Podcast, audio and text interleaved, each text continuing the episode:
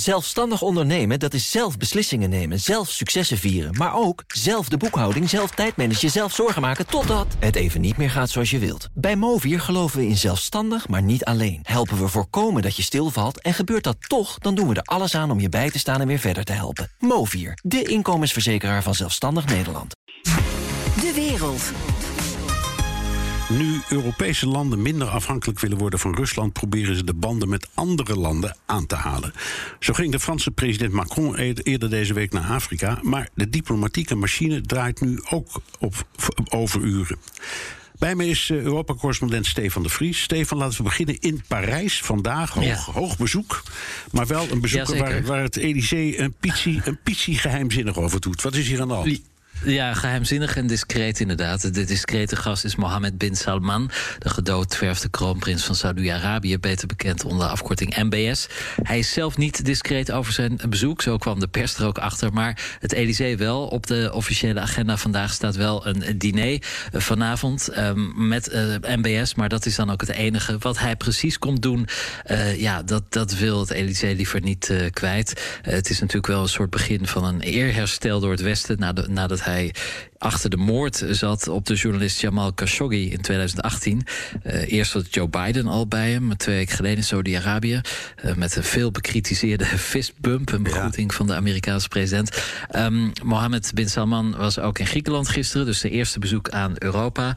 En nu dus uh, reist hij door naar Parijs. Ja, en um, je zegt, nou, er is niet zo heel veel over. Wat denk je dat hij kon doen? Nou, het meest waarschijnlijk is natuurlijk dat Macron uh, hem gaat vragen om meer olie te gaan produceren. Ja, wat, dat, heeft, dat, heeft, dat heeft eh, Biden ook gevraagd en toen riep hij nee. Die kreeg nul op het request, ja. klopt. Maar misschien heeft eh, Macron nog wat uh, troeven op zijn, onder zijn mouw. hij kan natuurlijk zijn, charmes inzetten. Hij wil inderdaad graag dat Saudi-Arabië als een van de grootste of de grootste olieproducenten ter wereld met meer olie over de brug komt. En als het even kan, misschien nog wel het Frans wapen wapentuig verkopen. Dus um, ja, het bezoek leidt wel tot woede bij mensenrechtenorganisaties en bij de oppositie. Uh, er is vandaag ook een uh, klacht ingediend bij de, of een aangifte gedaan bij de politie in uh, Parijs. Um, Frankrijk ziet zichzelf graag ten onrechte, overigens, als de bakermat van de mensenrechten. En dat nu juist deze MBS met een slechte reputatie wordt uitgenodigd. Ja, dat valt toch slecht bij, ja. bij veel organisaties. Ja, Macron was, is, is net terug van een tournee door West-Afrika en West-Afrikaanse landen. Volgens de BBC heeft hij zich tegenover de Afrikaanse leiders vooral beklaagd over gebrek aan steun. Ja. Uh, is de Afrikaanse boodschap niet gewoon: de oorlog is jullie oorlog en niet onze oorlog? Ja, dat, dat was wel zo. Dat is een beetje aan het verschuiven. Macron noemde zelfs het hele continent hypocriet. Uh, het is natuurlijk altijd een lastige verhouding die Frankrijk heeft met de oude kolonie in Afrika. Uh, Macron bezocht volgens Benin, Cameroen en Guinea-Bissau.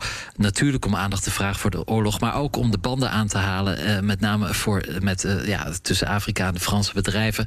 En tegelijkertijd aast Rusland ook op Afrika. 25 van de 54 Afrikaanse staten die onthielden zich tijdens de algemene vergadering van de VN in maart van een stemming om de Russische invasie uh, te veroordelen. En ja, uh, tot toeval van de agenda of niet, ook de Russische buitenlandminister Sergei Lavrov, die toerde deze week over het Afrikaanse continent. En om met de boodschap dat de voedselcrisis veroorzaakt is door westerse sancties.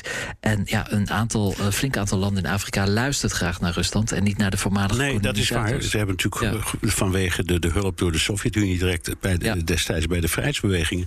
Maar ook als je kijkt naar het, de verhalen over Lavrov, die kreeg net als Macron niet, ook niet overal wat hij wilde aan, aan enthousiasme, zou ik maar zeggen. Nee, zeker niet. Er is wel wat aan het schuiven in Afrika, omdat natuurlijk het continent ook uh, gebukt gaat onder de gevolgen. De hoge prijzen, uh, voedselcrisis, um, de energiecrisis, noem het maar op. En ja, sommige landen in Afrika zeggen uh, tegen Europa: jullie komen hier pas als jullie eigen leven gevaar loopt. Anderen zien ook wel ja, dat, dat die oorlog niet in hun belang is. En Macron deze week, die, die zei juist, en dat, dat viel wel op, ja, in, in gevoelige oren, dat Rusland een van de laatste imperiale koloniale machten is.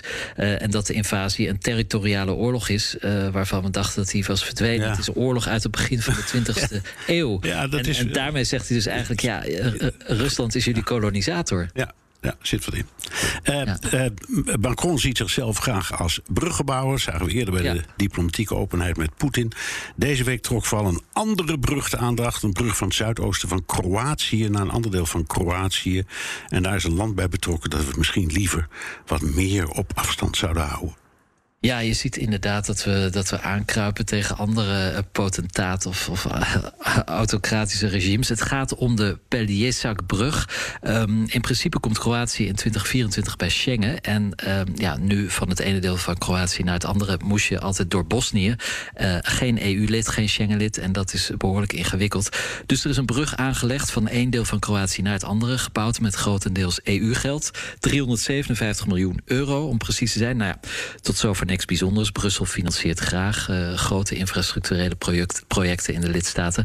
Maar dat geld ging naar de aannemer. Ook niet bijzonder. Maar in dit geval is die aannemer de China Road and Bridge Corporation. Ja. Um, een Chinees bedrijf dus. Uh, helemaal gebouwd door Chinees. Die bood veel minder uh, in de tender dan de Europese rivalen.